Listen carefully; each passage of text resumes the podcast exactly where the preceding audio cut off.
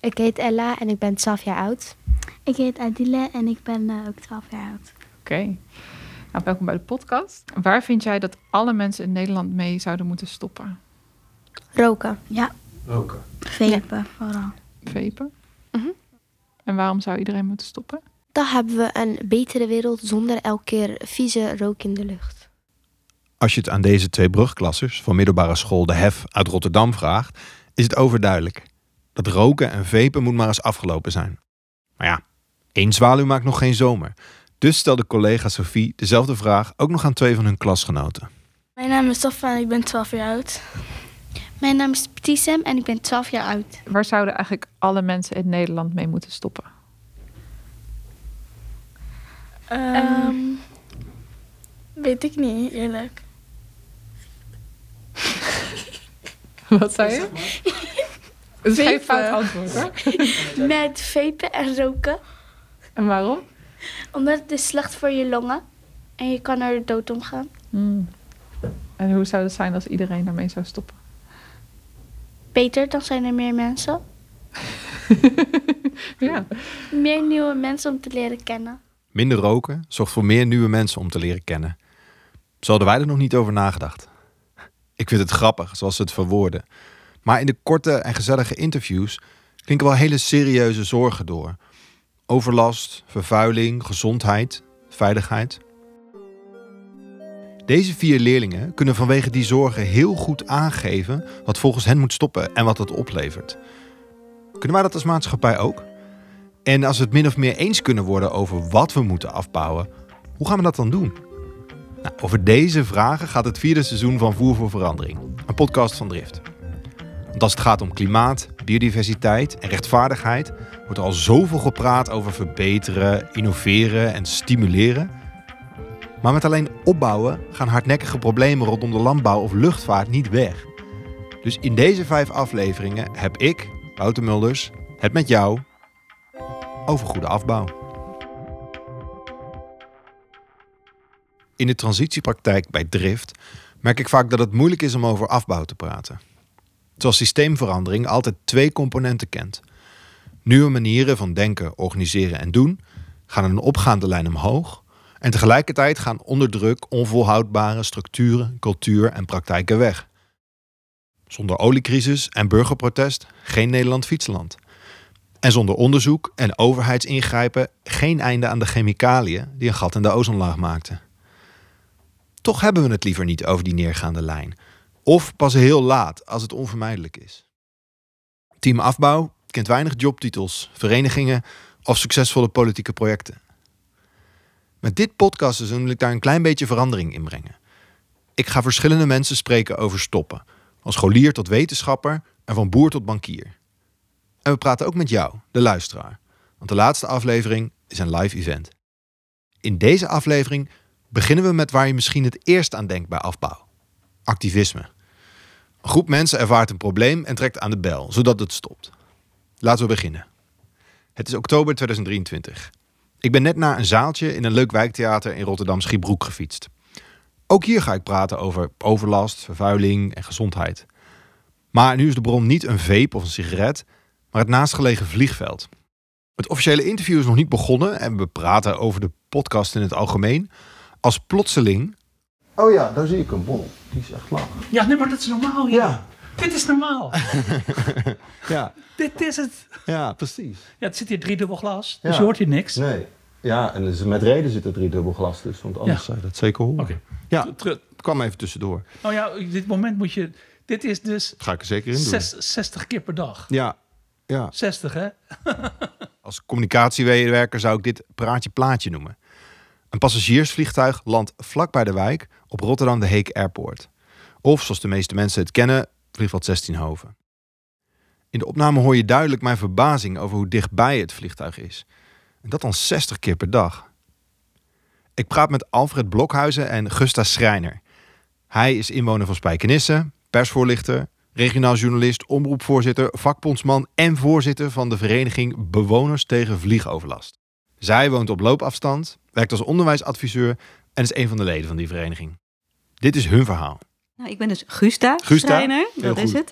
en ik woon eigenlijk hier op loopafstand van deze locatie en 35 jaar in Rotterdam Schiebroek. Mhm. Eh, in het dagelijks leven ben ik onderwijsadviseur bij de CD-groep. Als ik eventjes terugkijk, hè, ik zei net 35 jaar dat we hier wonen en er is in die 35 jaar gewoon wel enorm veel veranderd. We zijn aanvankelijk hier op een bankje in het park gaan zitten van, nou, dit huis vinden we leuk, maar wat doen de vliegtuigen? Mhm. Dat viel reuze mee. En eh, in die 35 jaar ja, zijn de, de Russische eh herriebakken die je toch in Capelle kon horen, die zijn verdwenen. Er kwamen wat stillere jets. Maar sinds een paar jaar zijn er echt grotere vakantiebakken die overvliegen. De baan is verlengd en hij is wat verschoven naar de huizen toe. Mhm. Dus sinds een paar jaar ervaren we gewoon veel meer overlast. En dat wil zeggen dat je 's ochtends wordt wakker gevlogen. eh, vanaf 7 uur gaat naar 4 in een uur. Of nee, 4 in een kwartier. Ik zeg het verkeerd. Mhm. En eh, dan ben je blij als de wind anders staat, want dan gaan ze richting Overschie. Mhm. Dus er is Hebben ze er geluidsoverlast. daar last van? Ja, ze daar last van. En Schiedam, nou, is echt een regionaal eh, Ja. gebeuren. Hè? Maar je hebt ehm geluids- of lawaai-overlast. Er is, als je door het park loopt, het Schiebroekse park, dan loop je regelmatig in een walm van kerosine. Mhm.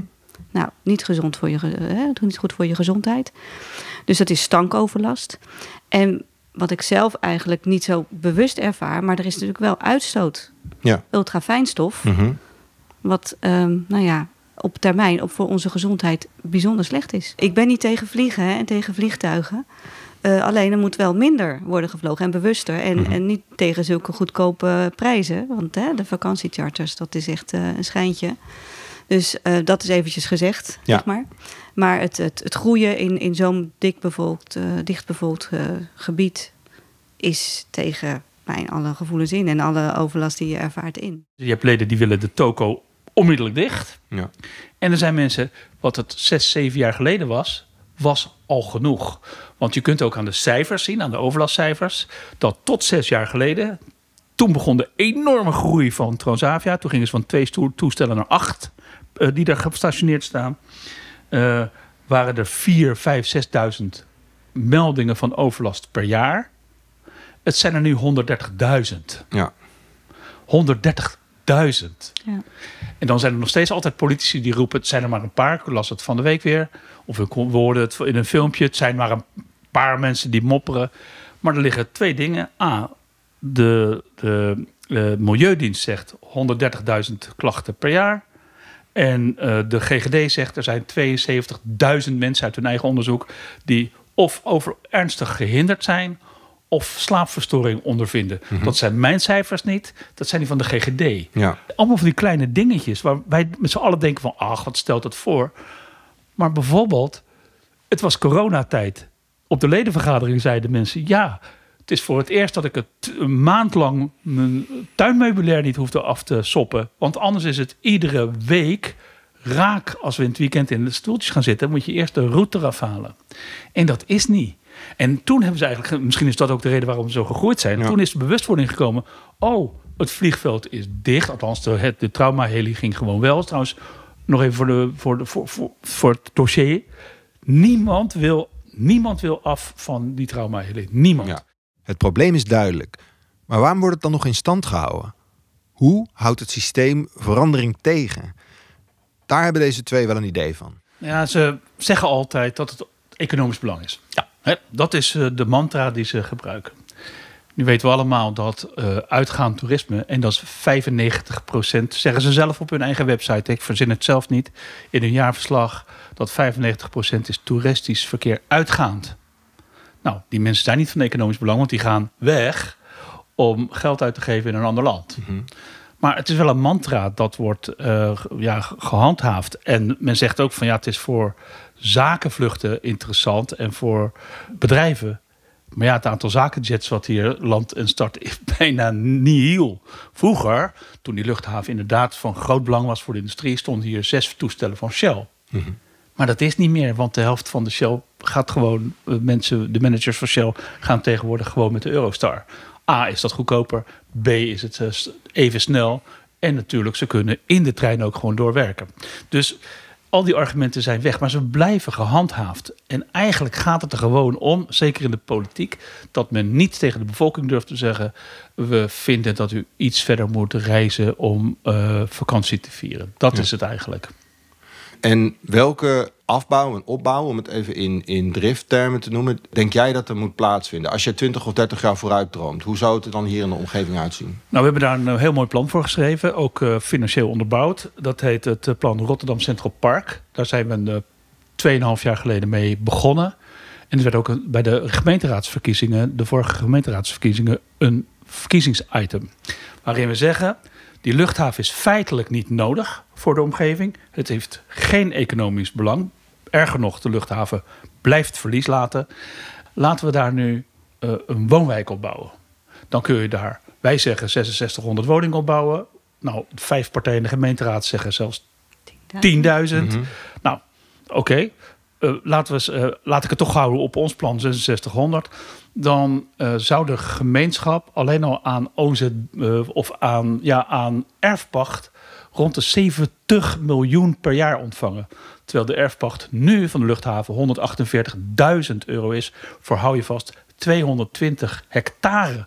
Dat is heel veel grond en heel erg weinig geld. Dus eigenlijk zou iedereen er wel bij varen als het vliegveld wordt gesloten, dat we daar een woonwijk op bouwen en een park. Ja. En het is ook financieel haalbaar. Het aardige is dat onze second opinion ertoe heeft geleid dat Rotterdam Airport zijn eigen business case eh, introk. En ja, nu zijn we vijf jaar later en nu komen ze weer met hetzelfde verhaal. Ja, maar eigenlijk hoeft het economische denken hoeft dus eigenlijk geen eens gestopt of afgebouwd te worden. Want er is een ander economisch scenario wat, wat beter werkt. Dat, dat toon je net aan.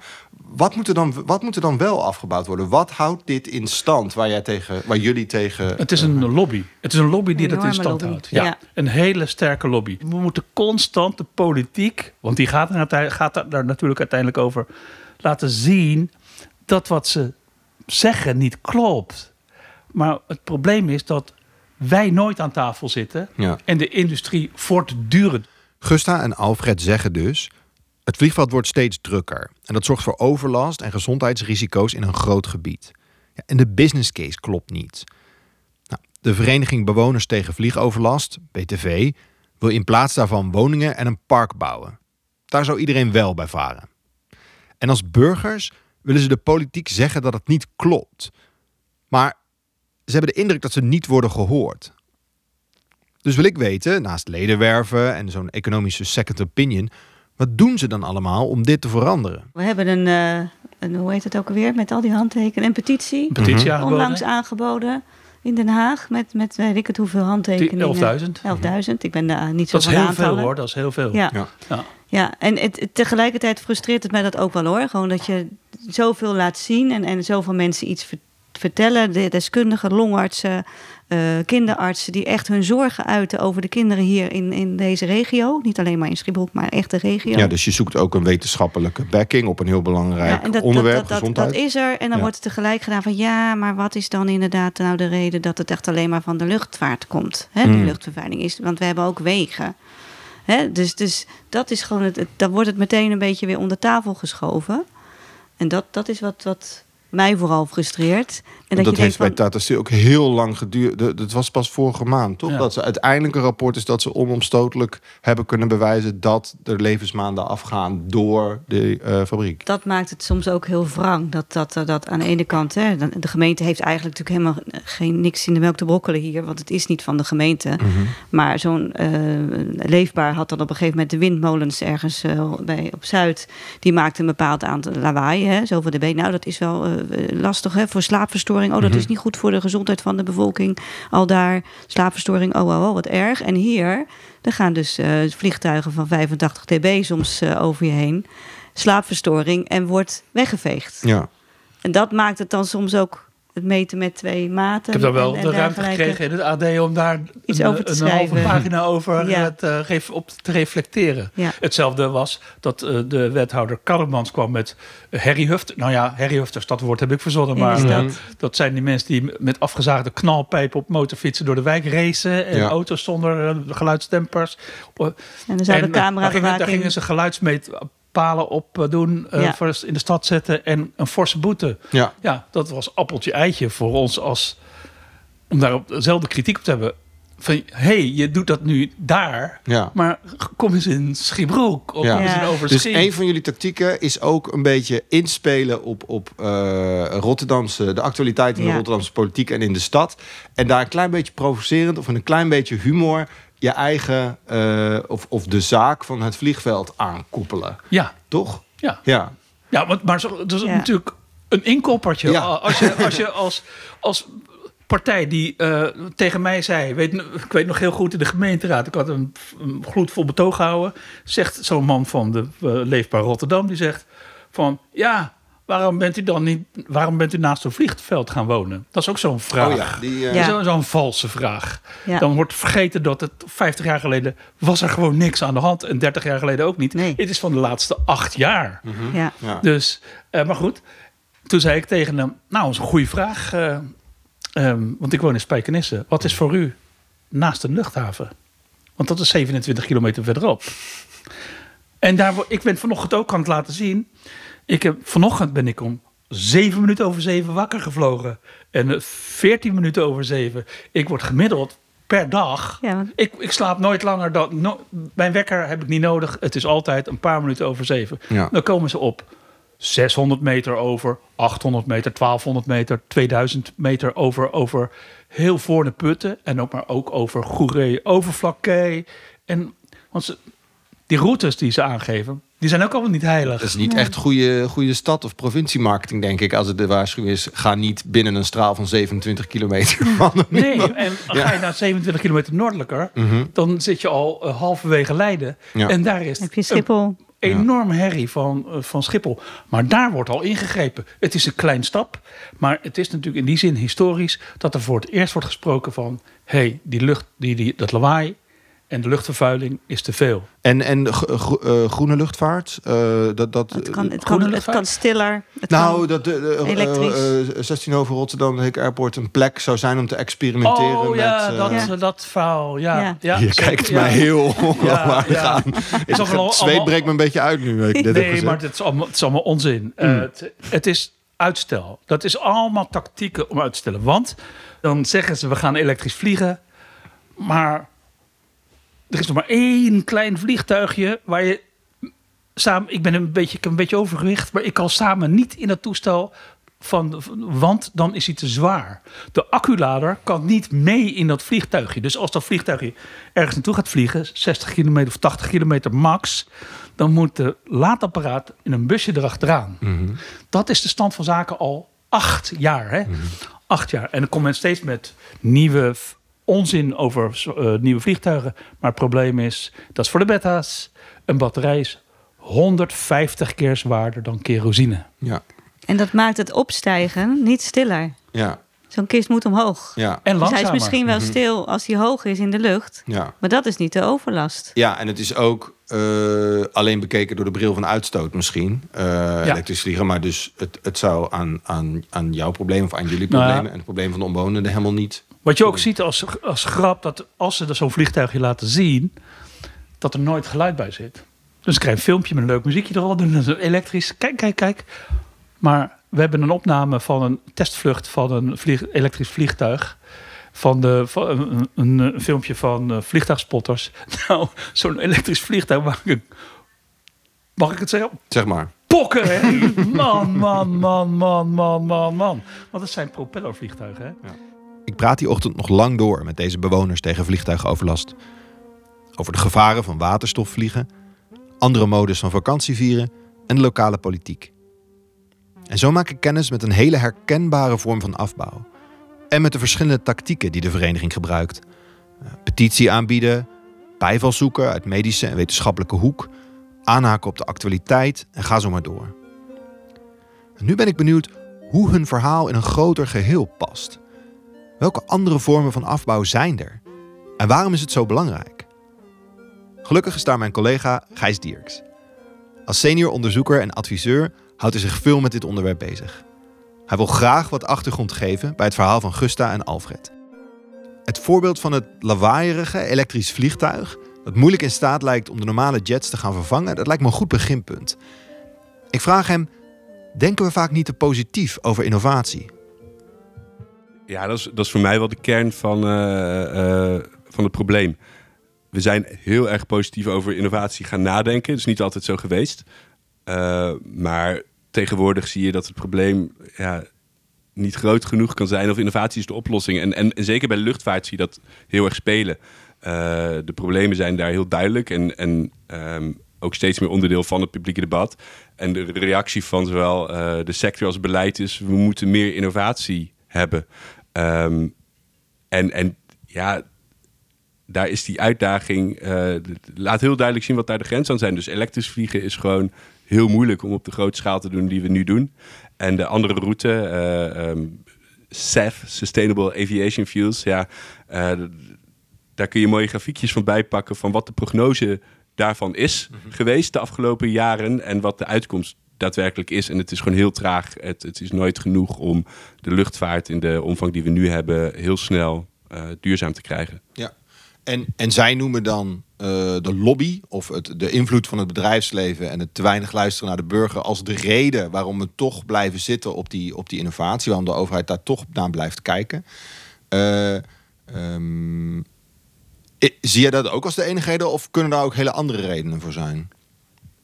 Ja, natuurlijk is lobby er een onderdeel van, maar die, die lobby, dat, dat klinkt heel snel weer heel cynisch. Uh, hier zitten allemaal uh, machten achter die uh, ons in de weg zitten en dat heel doelbewust doen. Nou, voor een deel is dat absoluut waar, maar ik denk dat het ook echt iets diep cultureels is. Dat we echt geloven in vooruitgang door technologische innovatie. Um, en, en dat is echt iets van, van, de, van de afgelopen decennia. Daar zijn we op gaan vertrouwen. En um, dat is denk ik dus niet alleen maar cynische lobby, maar ook een soort van oprecht geloof mm -hmm. dat we het op die manier kunnen doen. En je zei het was vroeger uh, daarvoor anders. Uh, in, aan welke tijd moet ik dan denken? Ja, dus als je heel ver teruggaat, dit heb ik uh, tijdens mijn proefschrift onderzocht. Um, heeft innovatie zo rond de 15e, 16e eeuw best wel een, een, een, hele negatieve connotatie. Er waren natuurlijk ook roerige tijden met veel oorlogen. En, en dan had je allemaal uh, koningen die zeiden van... Uh, nou, ik heb nog nooit geïnnoveerd, ik zou nooit innoveren. Dat zou ik, dat zou ik echt niet doen. Hoe, hoe durf je me daarvan te beschuldigen? He, dat, dat was echt iets slechts, dat, dat, dat zorgde voor onrust. Zo zie je ook maar dat het echt een heel politiek concept ook is. Hè? De gevestigde belangen wilden geen innovatie. Um, je had zelfs uh, een verbod op innovatie een tijdje. Uh, dat het echt niet mocht gebeuren. En, en pas vanaf de Franse revolutie en zeker de industriële revolutie is innovatie ja, heeft een andere betekenis gekregen. Iets wat vooruitgang bracht, welvaart bracht, welzijn bracht. En, en, en na de Tweede Wereldoorlog, toen, toen, toen zijn we het ook echt gaan stimuleren en, um, en, en gaan meten. En, en zijn, de hele, ja, zijn we bedrijven, regio's, steden, landen, continenten gaan renken op hoe innovatief ze zijn. Ja. Hoe kijk jij verder naar de, de, de strijd van uh, BTV en Alfred en Gusta? Ja, ik denk, het is een heel mooi voorbeeld. Want ik denk dat de, de verleiding groot is voor veel mensen om dit snel weg te zetten als NIMBY, not in my backyard. Uh, dit zijn mensen die uh, zelf overlast ondervinden van vliegen, dus gaan protesteren. En die doen dat helemaal niet vanuit een breder publiek belang. Ehm, maar volgens mij laat het juist iets anders zien. Want volgens mij laat hun casus zien dat de meeste mensen best wel redelijk zijn. En snappen dat uh, je in een drukke samenleving of in een uh, dichtbevolkte stad compromissen moet sluiten. En dat je te maken zult hebben met verkeersoverlast, geluidsoverlast, uh, ook overlast van vliegtuigen. en dat iedereen dat ook wel accepteert als je snapt in welk publiek belang dat is en wat je ervoor terugkrijgt. En, en wat je hier volgens mij ziet, is uh, dat er in korte tijd het aantal vliegbewegingen heel snel toenam. Mm -hmm. En uh, dat je logischerwijs, als je daarnaast woont, dan vragen gaat stellen. Uh, waarom neemt dit toe? Voor wie? door wie? En als je die vragen gaat stellen, zelf op onderzoek uitgaat en niet bevredigende antwoorden krijgt, ja, dan ga je natuurlijk in protest. En, en dan is het niet zozeer NIMBY, denk ik, als meer van ja, dit zijn de, de Canaries in de kolenmijn. Die ja. ervaren en merken als eerst dat iets in één keer heel anders gaat. Ik denk dat het heel belangrijk is om veel breder na te denken over wat afbouw is en hoe je aan afbouw kunt werken. En dat het dus meer is dan uh, protest of dingen verbieden. Uh, hele creatieve manieren bestaan ook. De Leefstraat is daar een heel mooi voorbeeld van. Uh, dat is een soort van, ja, een, wordt geframed als een, als een pilot of een experiment. om tijdelijk, in zes weken in de zomer, de auto's uit de straat te halen. En eh, dan het een hele fijne plek te maken om te zijn. Eh, maar eigenlijk is het een heel strategisch afbouwelement, omdat het wil laten zien hoe dominant de auto nu is in de, in de publieke ruimte. En wat je ervoor terugkrijgt als je die misschien wat minder dominant maakt. Dus het is, het, het is eigenlijk gewoon eh, afbouw, maar dan een beetje vermomd als een experiment. Ehm, maar afbouw kan ook iets zijn wat al gaande is. Eh, dat is niet per se iets wat je ehm, top-down in gang zet. Er zijn heel veel processen van afbouw en verval die al, al, bezig zijn. Een hele bekende is denk ik in die hele landbouwdiscussie. Dat je gewoon al ziet dat er heel veel eh, boeren zijn die geen bedrijfsopvolging hebben. Uh, dus daar is al een soort van verval in de sector die je ook kunt benutten als een soort van transitiemomentum. Omdat het heel veel ruimte biedt om uh, daar het gesprek aan te gaan over uh, wat op die plekken wel mogelijk is. In, in, qua toekomstbestendige natuur, landbouw en, en, en, recreatieruimte en hoe we dat kunnen gaan invullen. Ja. Um, ook kleiner kun je zien dat heel veel mensen al bezig zijn met minder vlees eten of minder vliegen. En dat zijn allemaal bewegingen die je kunt ondersteunen en helpen uh, om te groeien. Um, en, en, en, en, een laatste vorm van afbouw die ik ook wel mooi vind, is uh, meer herstel. Dus dat we eigenlijk ja, een soort van teruggaan naar vroeger. Um, ik woon in Utrecht en daar hebben ze onlangs de single weer heropend. Dat was een snelweg geworden met uh, weet ik niet hoeveel banen, auto's die direct het centrum in konden gaan. En dat is nu weer een, een open single met een park erbij. En ja, dat, dat, dat laat zien dat afbouw soms ook het herstellen van ja, missers uit het verleden is. Um, en, en dat spreekt vaak heel veel mensen ook aan. Want je krijgt dan die before en after before foto's. Mm -hmm. en, en, en, en dat geeft ook een bepaalde trots en identiteit weer terug. Van, oh ja, dit, dit was Utrecht. Ja. Zo kunnen we weer zijn. Mm -hmm. uh, het krijgt weer hele andere emoties dan uh, een, een, protestbeweging. Ja. En in, in jouw woorden, uh, waarom is afbouw zo belangrijk in transities? Rond al die transitievraagstukken zijn we natuurlijk heel erg bezig met, met welke nieuwe wereld er moet komen en hoe we daaraan kunnen werken. En hoe we dat kunnen versnellen en richting geven. Maar we komen natuurlijk ook ergens vandaan. En uh, dat moeten we niet negeren. Uh, dat heeft ons ook veel gebracht, dat verleden. Uh, maar het zet ons nu ook een beetje gevangen in, in de, de dominante manieren van organiseren en doen en denken. En um, wil je dat nieuwe een kans geven, dan moet je ook actief werk maken van ja, het bevragen van hoe we het nu doen. Uh, het destabiliseren, het uitdagen, uh, het ter discussie stellen. En het ook waar nodig afbouwen. Mm -hmm. um, zodat, zo, ja, zodat je uiteindelijk een transitie krijgt die, die mogelijk wordt gemaakt, omdat je het nieuwe opbouwt, maar ook plaats maakt daarvoor. We komen van een continent van kolen en staal en een, een, een grote landbouwrevolutie, een, een, een consumptiemaatschappij die is opgebouwd. Al die die ja. grote uh, ontwikkelingen. De auto je? die ons heel veel heeft gebracht ja. en het huis dat we met gas verwarmen. -hmm. uh, en en ja, dat, dat heeft ons al, allemaal welvaart gebracht, maar ook routines en, en gewoontes. En dat is hoe we het nu doen. Um, en je zult ook zien dat dat niet vol te houden is. Dus dat die afbouw sowieso gaat optreden. Mm -hmm. Het is altijd een onderdeel van transities, dus daarom verdient het ook aandacht. Goed schiks of kwaad schiks, op een gegeven moment houdt het op. Op een gegeven moment houdt het dood. Ja. Dat zie je ook bij de landbouw hebben ze heel lang genegeerd dat dat een, een, uh, een issue is. En nu zitten ze in één keer met hun hand in het haar van oh, hoe moeten we ook uh, het oude systeem afbouwen. Mm -hmm. um, ja, je hoopt dat op andere terreinen ze misschien daar iets eerder al over na kunnen denken. Want dat, dat helpt een transitie gewoon. Hey, mijn laatste vraag. Van welke andere vakgroepen of beroepen zouden we wel wat kunnen leren als we het hebben over stoppen of afbouw? Oh ja. Ja, ja, precies. Um, ja, ik denk dat we nu heel snel kijken naar de economische of uh, juridische wetenschappen. Uh, hoe hoog moet die CO2-prijs precies zijn om uh, de fossiele energie uit te faceren? En um, welke normen en regels en, en wetten kunnen we instellen om dingen te verbieden of uh, uh, minder mogelijk te maken of misschien uh, mensen wel te onteigenen. Um, daar is wel echt wel heel veel aandacht voor. Dat is, dat, is, dat is goed, maar dat maakt het weer zo'n heel erg technocratisch gesprek. Ehm, ja, ik, ik breek zelf altijd graag een lans voor historici. Uh, dat klinkt misschien niet zo actiegericht. Maar ik denk door te laten zien dat afbouw altijd een onderdeel is van transformatieprocessen, dan normaliseer je het ook. Gijs zegt dus eigenlijk: activisme vanuit de burger is een sterke en belangrijke vorm van afbouw.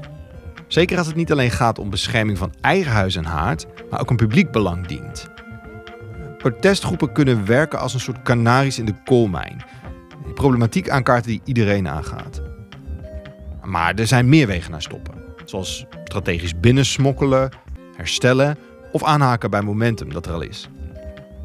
Hij zei ook benieuwd te zijn naar hoe historici, psychologen en, en palliatief zorgmedewerkers denken over dit onderwerp. Ik weet niet of het me gaat lukken om die allemaal te spreken, maar om in de geschiedenis te duiken van een goed voorbeeld van succesvolle afbouw, dat spreekt me heel erg aan. En daarom reis ik in de volgende aflevering af naar de Belgische stad Genk om te praten over haar fascinerende geschiedenis. En Gijs zei nog iets dat me heel erg is bijgebleven. Het zou goed zijn om eerder na te gaan denken over stoppen en hoe je daarmee omgaat. Want het gebeurt uiteindelijk toch wel. Is niet goed schiks, dan kwaad schiks. Nou, daar gaan we zeker mee verder. Maar voor deze aflevering is dit het einde.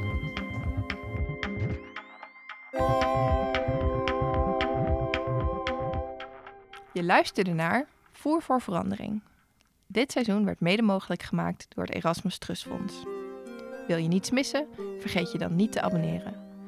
En wil je meer weten over transities? Ga dan naar drift.eur.nl. Daar kun je ook een kaartje kopen voor ons live podcast evenement op 7 november.